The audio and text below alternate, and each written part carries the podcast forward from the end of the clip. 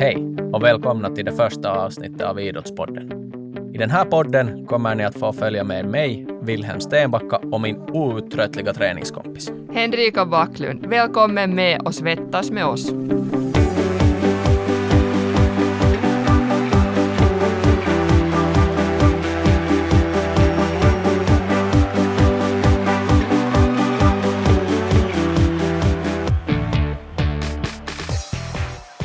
Varmt välkomna alla idrottsvänner och blivande idrottsvänner till Idrottspodden.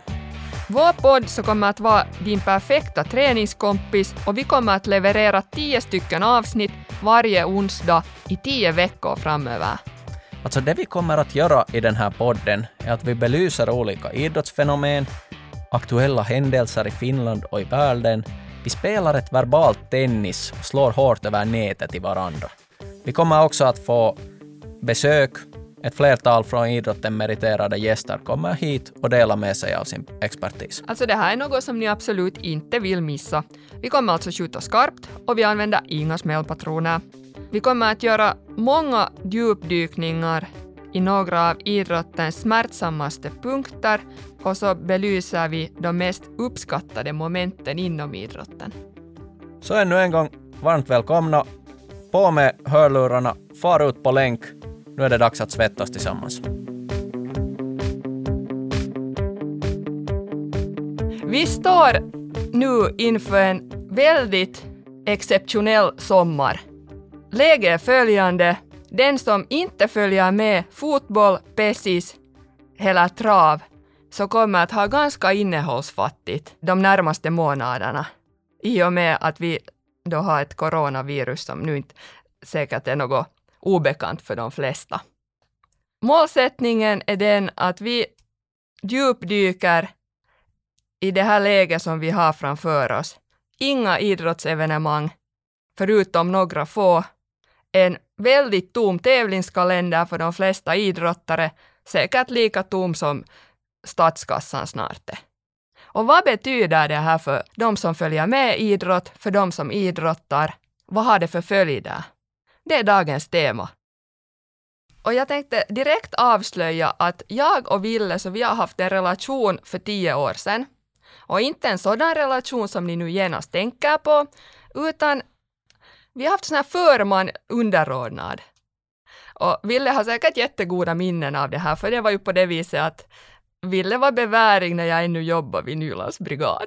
Och jag kommer ihåg Ville som underofficersskolans primus sommaren 2010. Ja, det är väl tyvärr så att införtjänade titlar och epitet, så de följer en längs med livet och det här är väl en som jag får följa med i hela den blivande och rådande relationen med Henrika här. Henrika gav en bra öppningsspark här till vår idrottspodd. Det är första avsnittet på gång och, och det där bollen har väl sparkats igång där och vi kommer att ha en sån här egentligen lång matchserie där vi två kommer att föra spelet enligt en egen schackstrategi, försöker anfalla, försöker kontra och försöker helt enkelt vinna varenda närkamp mot motståndaren här. Henrika Backlund som sitter emot mig här, så jag har ju den här äran att fortsätta vara den underordnade även idag. Mm. Vi är båda inkopplade på finlandssvenska idrott och arbetar för den finlandssvenska idrotten och utveckling eh, på, på grenspecifik nivå och på allmän nivå. Uh, Henrika är, är, på det sättet, jag minns henne från, från beväringstiden som en hård och, och, och också mycket inspirerande sån här idrottsprofil som, som bröt många mönster jämfört med vad man kanske väntar sig från en militär personal. Och den här samma idrottsentusiasmen har väl fört oss båda hit, både att svettas med uthållighetsidrott och också sitta här och diskutera om relevanta, mindre relevanta, viktiga, heta ämnen inom idrotten. Vi kör på! Ja, jag skulle gärna presentera dig. Du, du är något annat nu för tiden än bara en primus från underofficersskolan. Du har under de åren som vi inte har haft någonting med varandra att göra så har du förvandlats till en väldigt dedikerad skidåkare, orienterare och uthållighetsidrottare överlag. Tack för de här vackra orden. Dedikerad men meriterad kan man väl inte säga. Uh, Henrika har, jag skulle väl säga, nog ändå finare och, och mera mera det där omfattande meriter i uthållighetsidrott också, både militärgrenar och där finns allt mellan, mellan löpning och uh, triathlon, långa distanser, uh, adventure, uh, swimrun. Kan du fylla på ännu listan? Vad vet jag inte.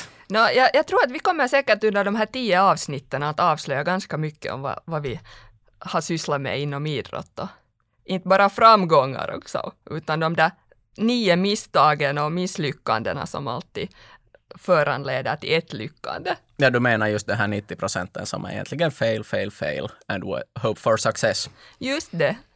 Det här, jag vet att du har ett vetenskapligt argument för allt vad man då hävdar vad det gäller idrott.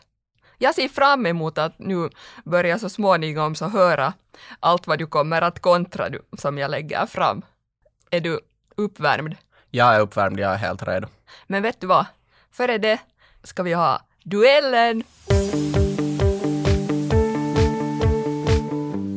Nu är det dags för duellen, ja. Och innan den här poddserien så kommer vi att ha en sån här väldigt obekväm situation där den ena av oss tvingas eh, bevisa sitt kunnande eller icke-kunnande inom idrotten i form av en frågesport. Någonting tre till fem frågor per avsnitt. Och den här som hamnar i den obekväma sitsen kommer att duellera mot vår eventuella gäst som är eh, expert på området som behandlas.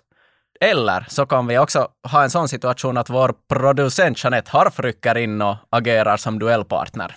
Uh, Jeanette, är du på tråden? Såklart jag Nu är jag med.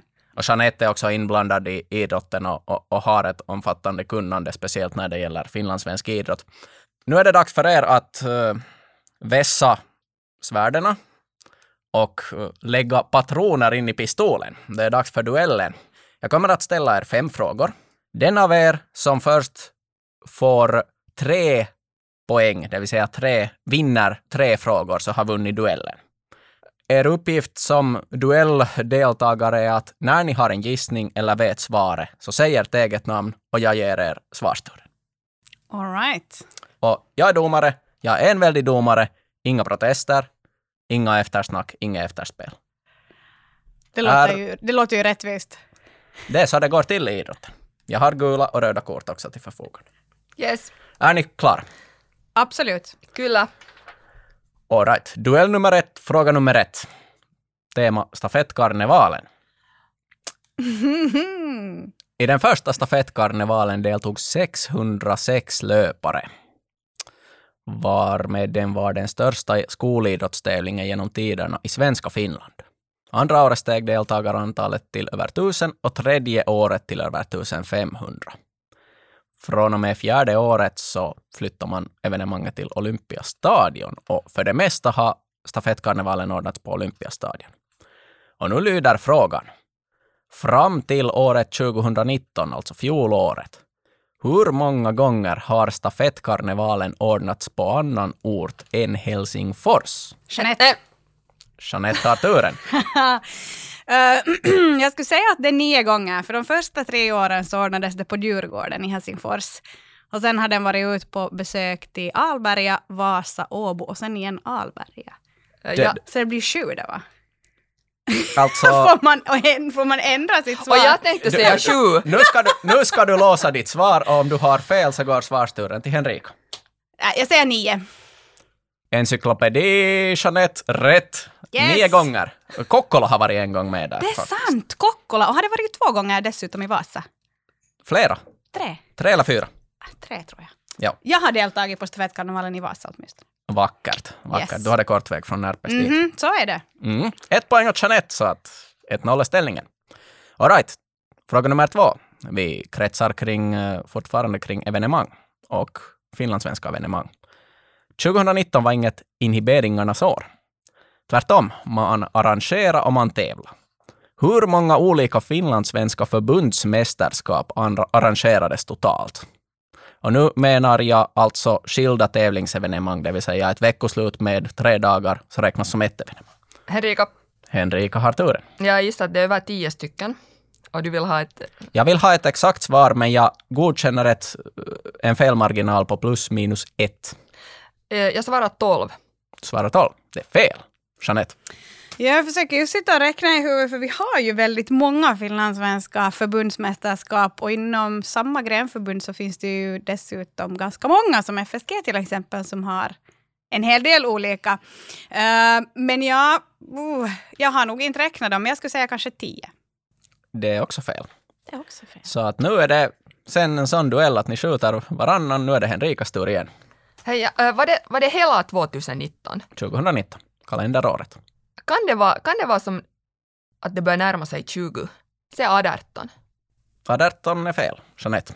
Och ja, då säger jag 16. 16 är också fel. Jag kan säga att det, det är större än alla gissningar hittills. Oj. Så att, Henrika, go ahead. Nå ja, ska vi säga 30? Fel. Jeanette, 25. fel. Henrika, Mm. Ehm, 31? fel. Ja, men är vi alltså plus eller minus nu? Du måste svara en gång till, jag ger nästan ledtråd Ah, efter ditt svar. Okej, okay. men då säger jag 23. Korrekt. Exakt 23 stycken. Yes! Och här, parentesen är att, att både kraftidrotten och friidrotten hade mästerskap i lag i, i det här Karis samtidigt, men det var olika mästerskap. Mm, så det därför det här plus minus ettan. Så det kan vara 22 eller 24 beroende på definition också. Okej, 2-0. Nu är det tajt. Hehe. Åh. Vi flyttar oss till världen och mega-events. Tredje frågan. Eh, de här globala megaspelen är naturligtvis enorma businessar och attraherar enorma TV-siffror. Genom alla tider har OS-arrangemang och herrarnas fotbolls-VM toppat listorna på globalt åskådarantal. 2019 var det dock inga OS och inga herrarnas fotbolls-VM. Vilket evenemang samlade flest TV-tittare inom hela sportvärlden under 2019?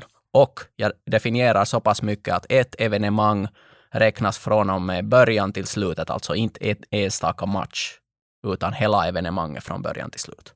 Vilket evenemang? Jeanette. Jeanette? Uh, måste man säga vad evenemanget heter eller får man säga inom vilken gren man tävlar? Grenen räcker. Uh, då ska jag säga att det är sporten. Det är inte e-sporten. Äh, Henrika? Är det sant? Henrika.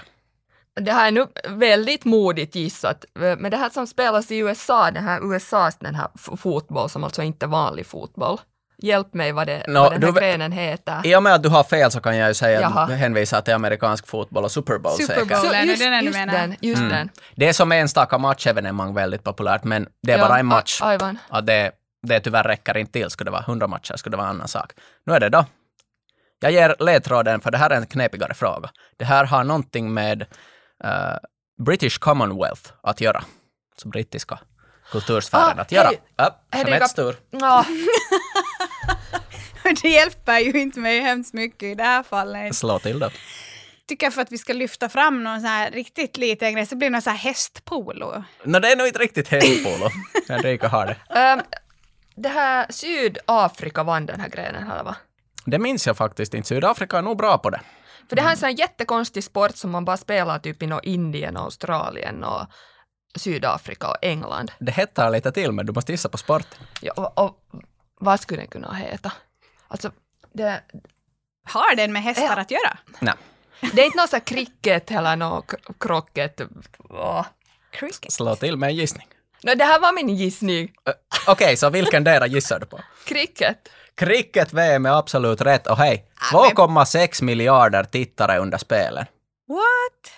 Jämförelsevis så all time toppen eh, är OS London och OS i Rio 2012 och 2016 med 3,6 miljarder. Så att det här är någonting helt över, över den sfären vad våra så att säga nordiska grenar, eller till exempel friidrotts-VM, samlar.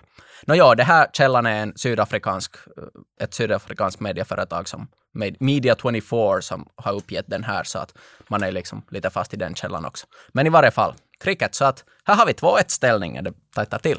Ah. Fråga nummer fyra. Genom OS-historien har totalt fem olympiska spel, sommar och vinter-OS medräknat, under tre olika årtal annullerats. Före då OS i Tokyo den här sommaren flyttades till nästa sommar. Kan du nämna dessa årtal? Tre årtal sökes. Sen bara Jeanette gissa. Ja, du tycker att jag ska vara frivillig? Ja, men, eh, ja, vi får väl gissa här. Hej vilt, inte komma ju vara rädd för att skämma ut sig. Så att Jeanette kan säga 1942, 1927 och 1953.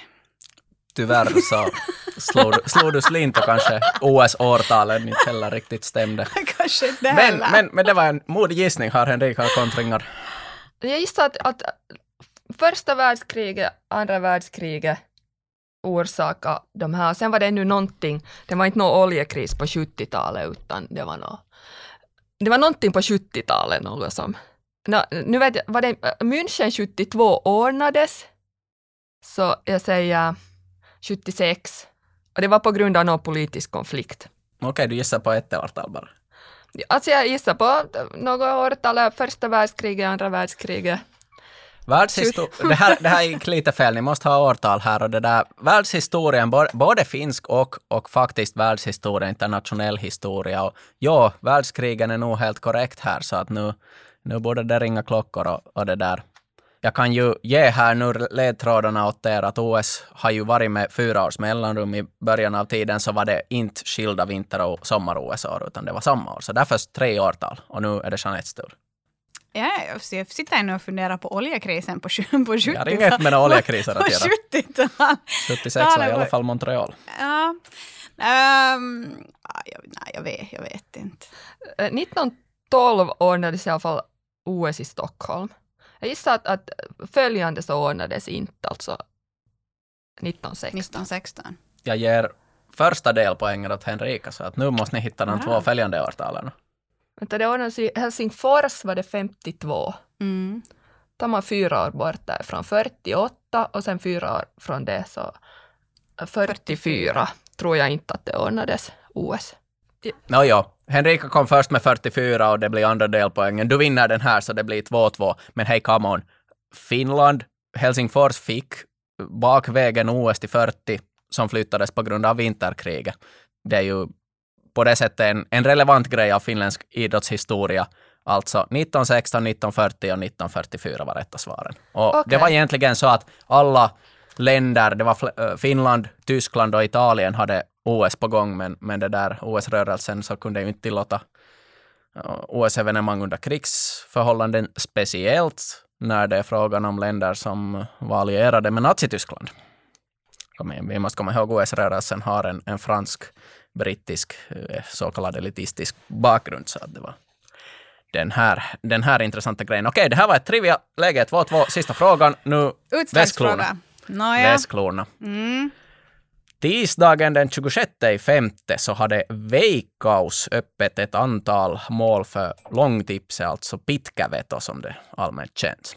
Och det här kan du nämna tre av de fem grenar där det fanns flest öppna spel eller matchmål på Veikkaus. Alltså vilka fem grenar har öppna matchtillställningar i dagsläget och så att man har möjlighet att spela. Henrika, Henrika. det, det, alltså, nu kommer det nog så konstiga ligor. Var det no, bordtennis i Vitryssland, Kyllä.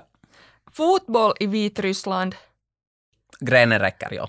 men sen tog faktiskt, sen, sen tog liksom det här vad jag vet slut, sen får jag börja gissa. Du får gissa nu på två till. Ehm, Men du har två delpoäng så att Jeanette har mycket att kontra sen. Hur många grenar var det? Fe- Du ska gissa tre av fem rätt. Tre av fem rätt. Men alltså tyvärr, alltså, nu, nu, har, nu kan jag inte skämma ut mig mer, nu kommer jag inte på. Okej, du har två, ja. två de- delsvar rätt. Ja. Jeanette kontra. Jag är ju så hemskt äh, inte insatt i vad man kan... Ja, har, du, satsa har du någonsin pe- spelat liksom? Nej, Jag ger- jag ger faktiskt tips- aldrig. Jag ger tipset i och med att det har med det här uh, pitkäveton att göra, att det är en part mot en annan part. Så att det är antingen individ mot individ eller lag mot lag, men alltså det är A mot B som gäller. Eh, Bara för att uh, tycka att det ska vara roligt så ska jag ju säga biljard, dart och uh, något annat. Säg en tredje. Låt oss eh, säga basket. Dart får du poäng för. Wow, Det var med. schack. Schack är inte heller. Egentligen båda är stora världsgrenar. En har än blivit nämnt idag som kanske är idrottsvärldens uh, sån här popgren den här våren, som inte har hämmats av, av coronarestriktioner. Det andra är en, världs, en stor världsgren som spelas runt om i världen och har haft inte så kallad officie, officiell uh, matchverksamhet, men har haft uh, sådana här showmatcher. Amerikansk fotboll? Nej, inte amerikansk fotboll. Vad var vi UFC, en, någon kampsport. Inte UFC heller, de, de måste också skjuta. Cricket. Inte cricket heller, tyvärr. Uh, utöver fotbollen, dartsen och pingisen så är det faktiskt e-sporten, nämndes tidigare. Nej. Enorm spelbusiness. Nej. Och tennis. Hej, bra jobbat! Grattis Henrika! Uh, tack, det här kändes också att det var väldigt bra jobbat. Och tajt och hårt och jag märktes på er båda att det var liksom, man ville inte skämma ut sig här eller man ville inte liksom ta, visa vad man kan eller inte kan. Och, och det, det, blev nog lite, inte e svettigt men sådär. Det blev svettigt. Spännande, jag såg ja, det, var spänning i luften. Det var nog väldigt, eh, väldigt spännande och väldigt uh, kluriga frågor du hade listat fram den här veckan. Nästa podd så är det jag då som, som ställer duellen Stenbacka. Jag är färdig för det.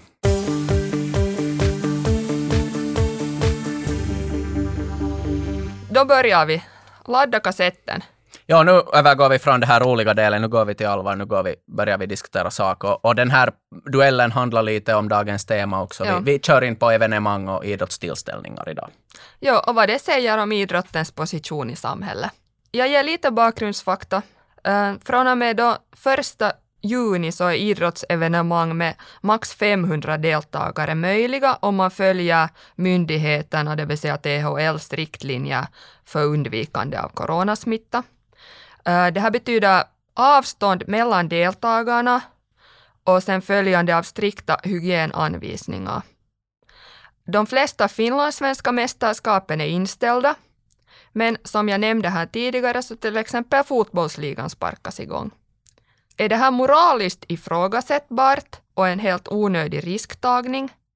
Eller är det istället fegt att inte arrangera evenemang i sommar? Och hur påverkas idrotten av en så här tävlingsfattig högsäsong? Det här är det som djupdykningen kommer att handla om. Och som jag just sa, så det är möjligt att med specialarrangemang ordna tävlingar i sommar, men till exempel finlandssvenska mästerskapen i orientering, som skulle ha gått av stapeln på Åland i augusti, är flyttat framåt med, med ett år, liksom också finlandssvenska mästerskapen i friidrott skulle ha ordnats i Närpes, så skjuts fram med ett år. Och nu vet jag att du har Stenbacka varit med när det här beslutet har fattats att flytta det här orienteringsmästerskapet. Kan du sådär kort berätta, hur vad heter det nu, resonerade ni när ni bestämde att inhibera?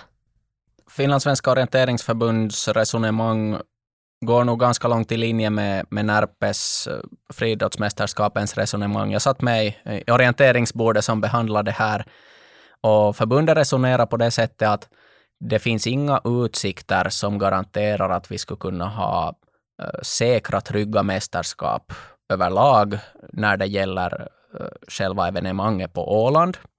Eh, det vill säga, vi skulle nästan ha måste utgå från att några justeringar görs, några begränsningar, något, eh, någonting justeras i mästerskapsevenemanget som gör att det inte är ett komplett hundraprocentigt mästerskap. Skulle det vara så att, att tävlingsklasser eller funktioner på tävlingsområdet begränsas eller så att, att föreningar och idrottare inte får ha att göra med varandra där under tävlingshelgen. De här säkert alla spelar någon roll och Uh, I och med att det, det, är ett stort jobb och ett stort eh, engagemang för arrangörsföreningen och alla deltagande föreningar så uh, vi vill inte på det sättet, eller orienteringsförbundet ville inte köra vidare på ett, mest, ett stympat eller begränsat mästerskap, ett 50-procentigt halvdant mästerskap, utan mästerskapen både för arrangör, deltagarförening och idrottare som deltar i spelen så förtjänar att vara hundraprocentiga kompletta evenemang så bra som möjligt. Och vi vill istället köra på det att vi har fullständiga kompletta mästerskap nästa år på Åland och, och där på följande år sen uh, i Korsholm, Vasatrakten och sen i Raseborg. Va, men vad ska en sån här tävlingssugen finlandssvensk orienterare nu göra? No, nu är det ju så att uh, tävlingsverksamheten blir mer och är mer lokal i år. Det vill säga lokala eh, tävlingar är tillåtna att ordna så att man beaktar alla säkerhetsbestämmelser och då är totalantalet deltagare begränsat. Så att delta i dina lokala tävlingar som finns nära till hand. Föreningarna har väldigt bra tag i det här att ordna så kallad träningstävlingar på egen hand, men också nu nationella tävlingar från och med den första i sjätte. Så att nappa på och delta. Eh, beakta den, den aspekten att eh, alla deltagare ansvarar för att egentligen vara så lite på ställe som möjligt. Koncentrera sig på tävlingsprestationen, men annars så, så, så lite aktiviteter som möjligt på stället. Och genom det där så får man ändå den där basidrottsprestationen, tävlingsprestationen gjord. Och det är det som är viktigast för en tävlingsidrottare. Nu, nu är inte, orientering är ju inte någon sån här stor publiksport direkt. Hela, nåja, no, kanske Jukola, så där, där finns det som publik som är samlad på ett ställe. Men eh, de orienteringstävlingar jag har deltagit i så tycker jag nog att publiken är andra deltagare som, som vad heter det numera kanske juttar sin, presentation, hela sin äh, prestation igenom därefter efter tävlingen.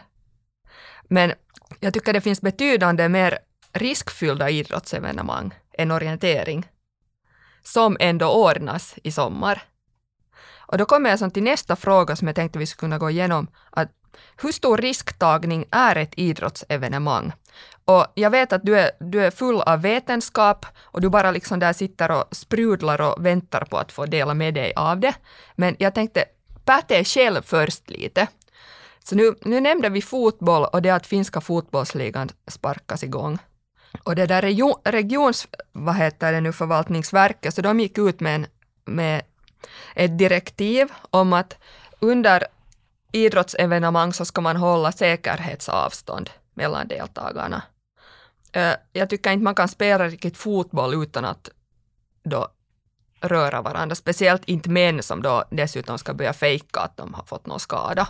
Så jag tänker som följande, att är, är det en för stor risktagning att spela fotboll? Men så hänvisar en bekant till en dansk forskning där man har konstaterat att under en fotbollsmatch så räcker 90 minuter, så har man en minut kontakt spelarna emellan. Och dessutom så är det mycket osannolikt att man ställer upp i en 90 minuter lång fotbollsmatch om man lider av luftvägsinfektion. Så att det, att det är egentligen ingen stor risk, utan risken är kanske det där publiken som sitter på läktaren och sysslar med allmän fotbollshuliganism eller vad man gör. V vad säger du, Stenbacka, hur stor risktagning är ett idrottsevenemang för hälsan?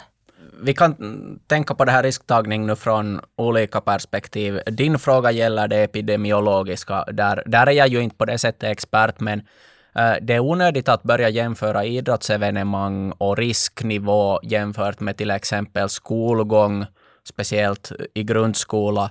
Eh, det att du gör, eh, utför ärenden i, i butiker, inomhusmiljö, mässor, och sådana tillställningar, möten där man är i ett begränsat utrymme och faktiskt har mera kontakt, ömsesidig kontakt inom, inom det där, de som deltar, än vad sen en, ett, ett idrottsevenemang utomhus är.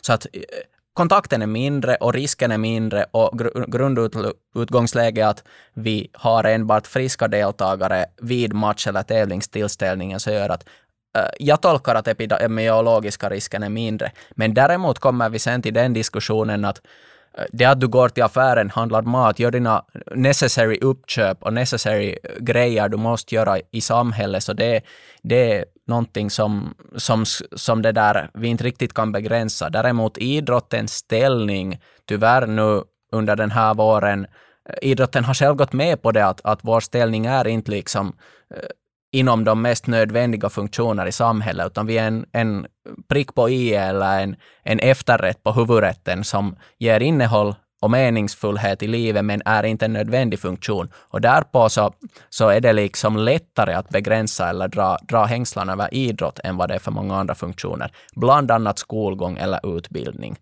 Uh, själva idrotts, eh, tävlingsidrotten så inte kan man ju från en, en gren som fotboll eller boboll ta bort den där närkontakterna och ändra på spelet i sig. Och, och Och då måste man liksom se till och fundera att, att är det fortfarande tryggt att ha de här kontakterna. Och nu, enligt dagsläget, så har ju nog grenarna och också myndigheterna tolkat att det är nog okej att spela fotboll. Hesa Cup kommer att spelas i, i juli, även om det är mycket begränsat liksom, total deltagarantalsmässigt, men fotbollsmatchen är densamma.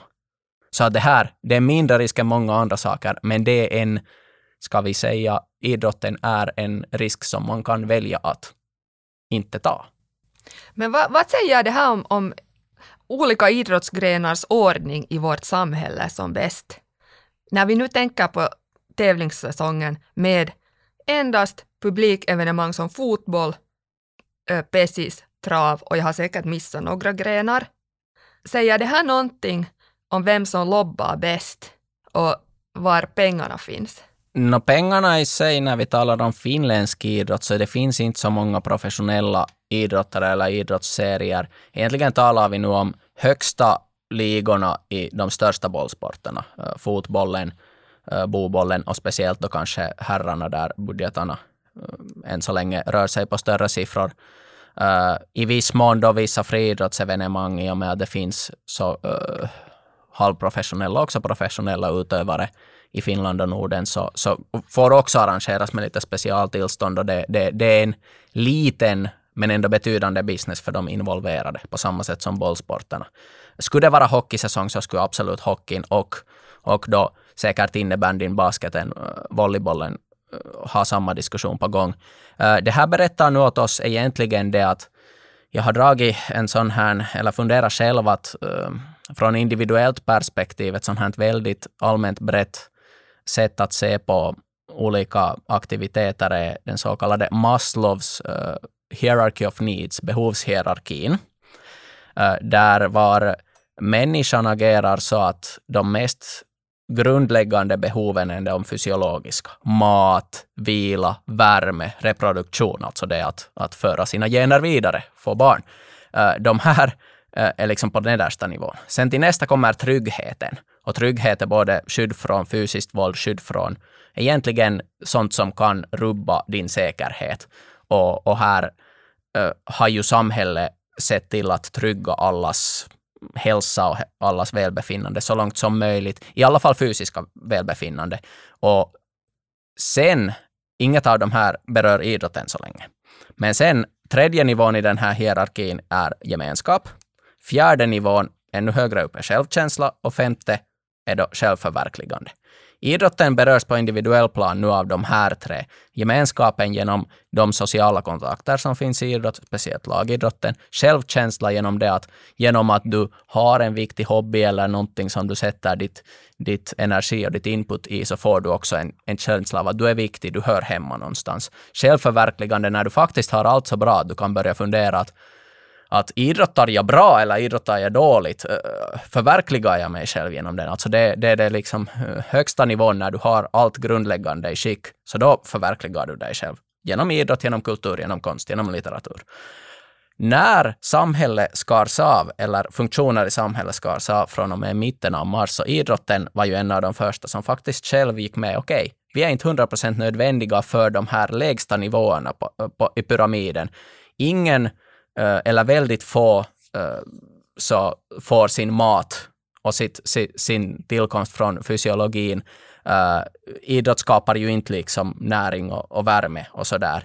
Idrotten är inte heller någonting på det sättet som landsförvar, el, äh, landsförsvaret eller uh, polisverksamheten, ordningsupprätthållande i samhället. Så att idrotten är inte någonting heller som, som har att göra med andra nivån, tryggheten. Det att vi sen ganska långt skar av de sociala kontakter som har med idrottsverksamhet att göra, föreningsverksamhet, lag, lagträning, gruppträning.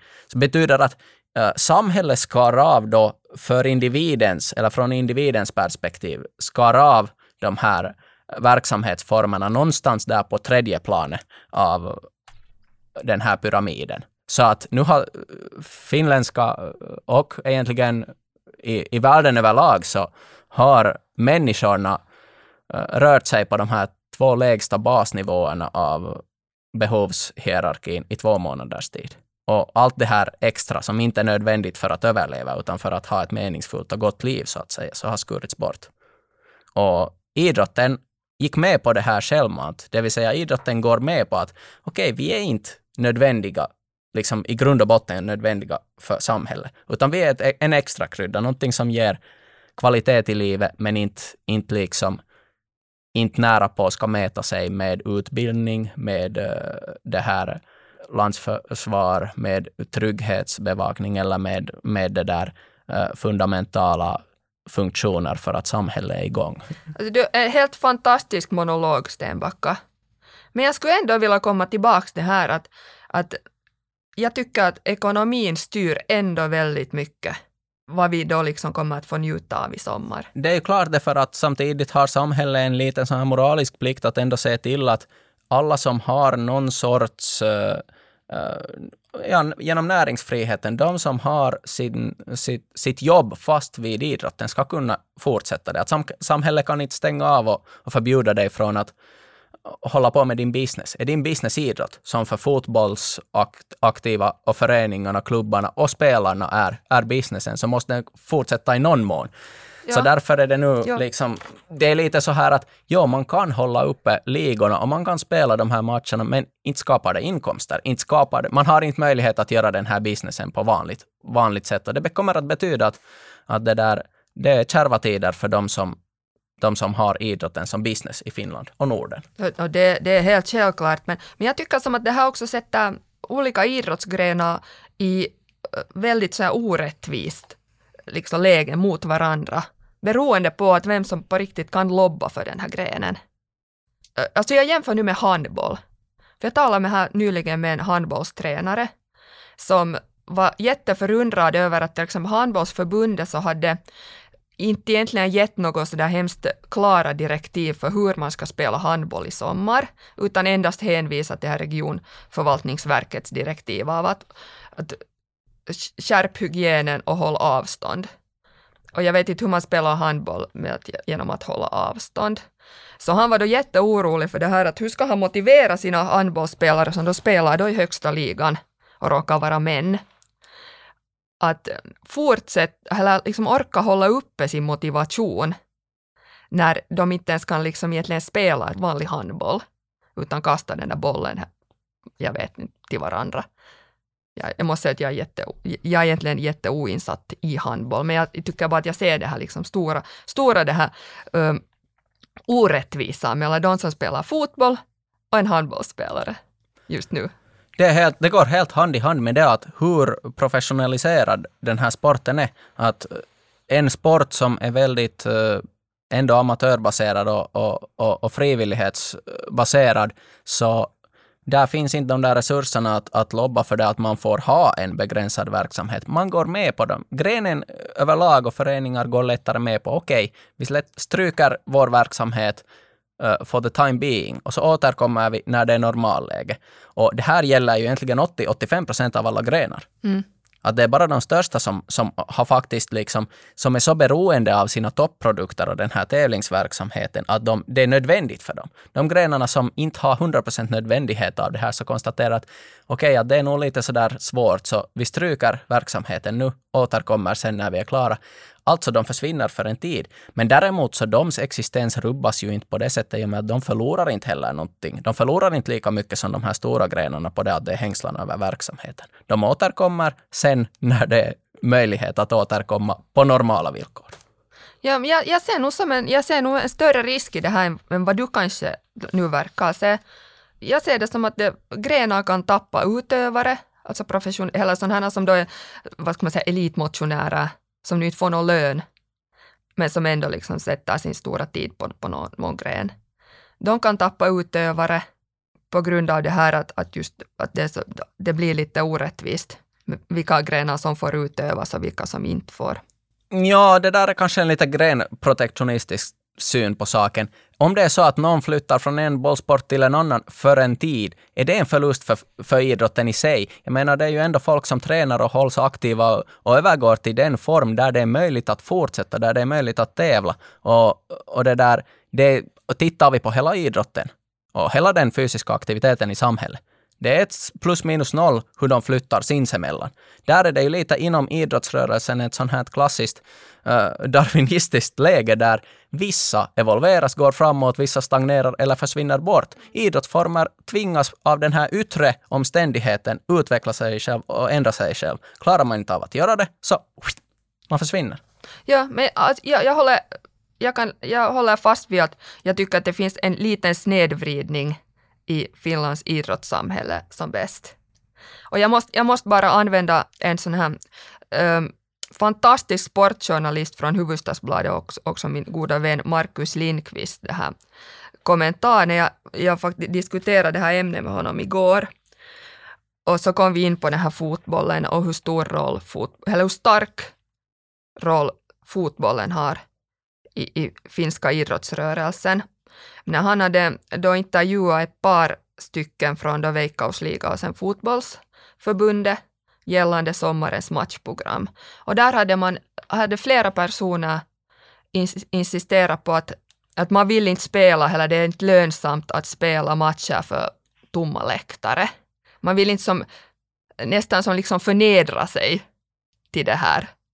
Och då tänker ingen av dem på det att det, är ju, det var damfotbollens vardag. Att spela matcher för halvtomma läktare. Då kommer vi som en sån här liten åsnebrygga till det att jag hoppas och tror att den här exceptionella sommaren så skulle få föra med sig som någonting positivt också för idrottsvärlden. Och då kanske det att man liksom öppnar, öppnar upp ögonen för sådana här orättvisor och inte mera som bara som konstaterar det som en norm att ja, att där var pengarna finns så, så det ska som stödas och det ska vara normen pengarna finns där var det finns entertainment business. Och det är ju de ligorna och de idrottsformerna som har skapat ett entertainmentvärde som är också beroende av att de måste genomföra matcherna. Just igår såg jag artiklar där var finska fotbollsspelare i Danmark i och med danska ligans det där, det att den startar, startar igen här i slutet av maj. Så, uh, de var oroliga över det att det är en mycket större skaderisk i och med att det blir många matcher på raken och spelare är inte liksom tränade för den här matchrytmen. Och de är, men där är det så att den här entertainment-businessen, för att klara sig, så de tvingas spela och det blir lite på, på risk. Här nu samtidigt, under två månaders tid, har idrotten överlag, speciellt då idrottsjournalismen, eh, haft en möjlighet att lyfta upp dels den här frågan att är, är huvudsaken att skapa entertainment för idrottsföljare eller är då till exempel fotbollslagarnas och fotbollsspelarnas viktigaste uppgift ändå att följa den där egna passionen och utöva den där egna sporten. For the love of the sport. Och där finns det säkert många olika åsikter bland spelare också, speciellt de som är vana vid lite, lite större, större det där publikantal och större, större det där eh, uh, pirin så att säga. Uh, men absolut så hoppas jag ju också att i och med det att det har varit ett sånt här externt yttre specialförhållande nu som har existerat uh, idrottens just sådana fundamentala, dels rättvisefrågor, men dels också sådana liksom system och, och, och, saker som har varit i idrottens ryggmärg så faktiskt ifrågasätts och kollas upp att, att är det här nödvändigt, är det här friskt, är det här ansvarsfullt? Och där är det ju så att, att det här med, med publiksnitt och överlag det intresse och den attention som dam och herridrotten, speciellt i bollsporterna där det här orättvisan är störst för oss. Så den har ju lyfts upp nu och då. Och jag vet inte om vi kommer att, att korrigera det. Men äh, nu har vi i alla fall konstaterat att ingenting kommer att vara sig mera likt. Det här var ju inte alls någon kliché som används här. Det är ganska mycket. Jag tror att vi, vi kan ändå vara överens på det att idrottsrörelsen, så den, har, den får sig en smäll och, och det kommer att ha något, något slags följd där. Och jag ser en positiv följd. Jag tror att det kommer att ordnas mindre mängd internationella tävlingar efter det här. Ja, till exempel skid, det här... Världscupen. Världscupen. Alltså jag tror inte att det kommer att finnas så många delmoment mera nästa år som vi har haft. Ja, det här med att kakan blir större ja. hela tiden och man hela tiden ska växa och bli ett större ja. brand och större helhet. Så det kanske vi ifrågasätter nu att vi kan göra det här lokalt. Idrotten kanske är lokalt. Det behöver inte vara så massivt. Nej, nej. Det är en följd, ja. Och, och det där, det blir ju intressant att se uh, om vi återgår till ett gammalt normalt. Tyvärr har ju människan, människan en vacker eller ful egenskap att glömma saker och ting ganska snabbt när vardagen ändrar. Alltså på det sättet, tyvärr, jag tror vi kommer att återgå till det normala.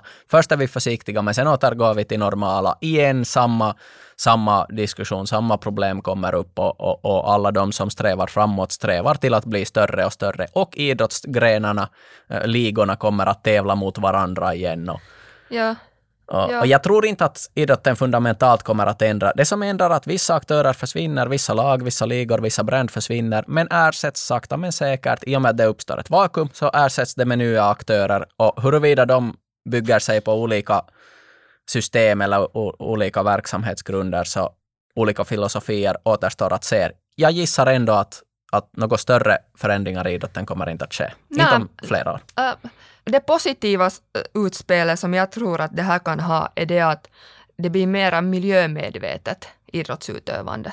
Alltså man, man, börjar, man undviker mycket resande.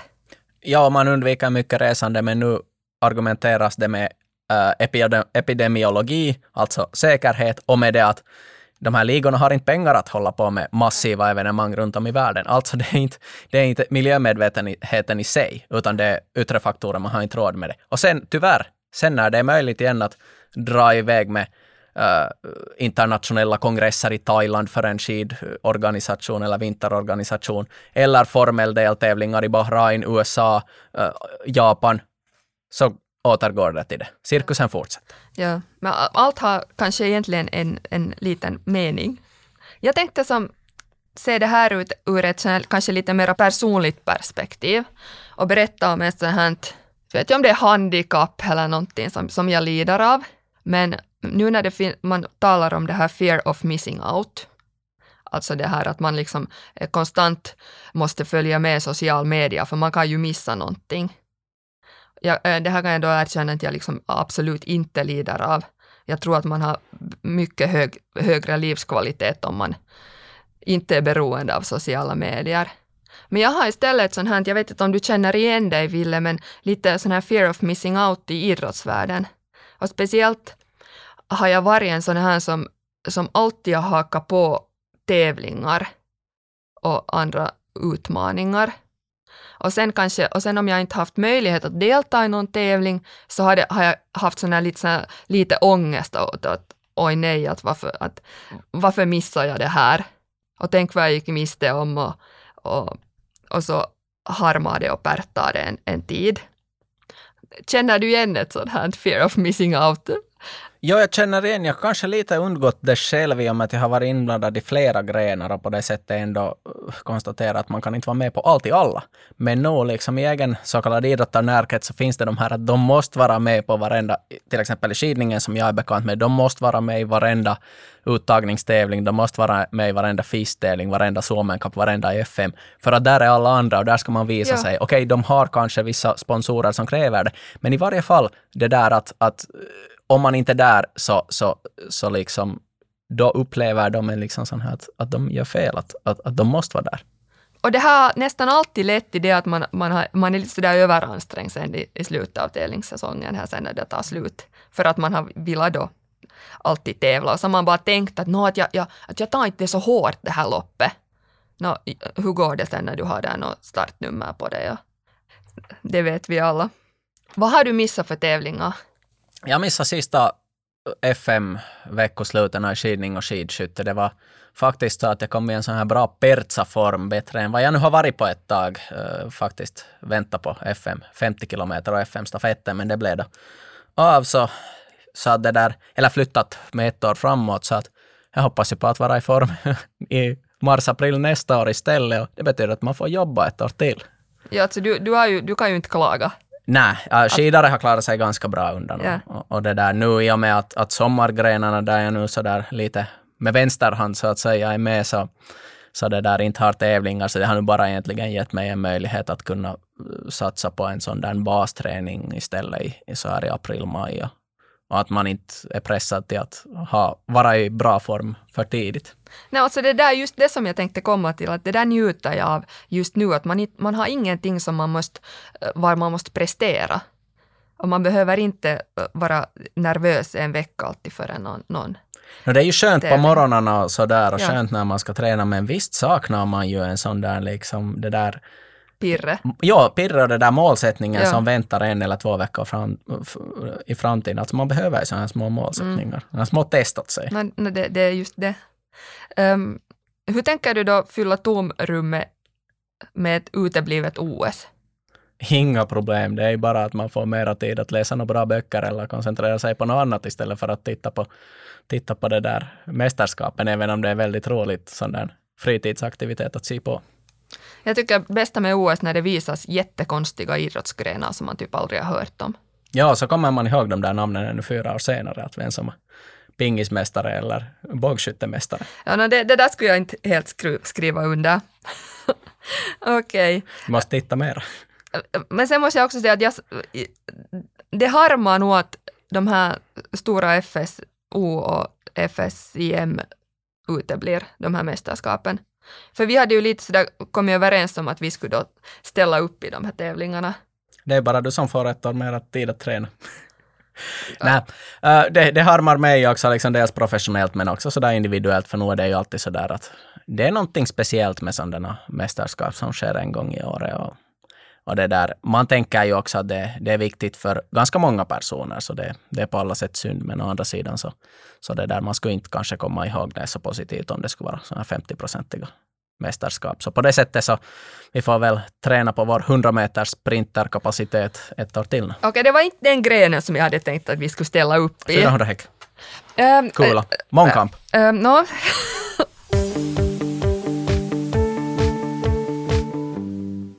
Jag tror att vi har behandlat det här ämnet. Vår tid på skjutbanan är, är över. Eh, nästa avsnitt, kan du avslöja något Stenbacka om vad det kommer att handla om? No, nästa avsnitt kommer att kretsa kring uthållighetsidrott och specifikt eh, en gren som vi har lite besökt så här med vissa meningar idag, det vill säga orientering. Vi kommer att ha en, en mycket gedigen expert som har insikter i, i grenen, i att vara toppidrottare och i att vara tränare och stödperson för toppidrottare, nämligen Fredrik Portin kommer att dela med sig av sina visdomar och insikter och kommer att eventuellt råka ut för ett svårt läge i en duell, eh, får vi se. Men han kommer hit och uh, i och med att vi kommer att zooma in oss lite på orientering här strax så kanske vi kan ge en liten sån här blick på eget orientera. Så Nej, ja, så jag, jag kan bara då avslöja att, att eh, jag kommer att modigt dela med mig av mina absolut bästa bommar. jag ska väl välja någonting också det där från den långa listan på väldigt barnsliga misstag. Yes, missa alltså inte det här.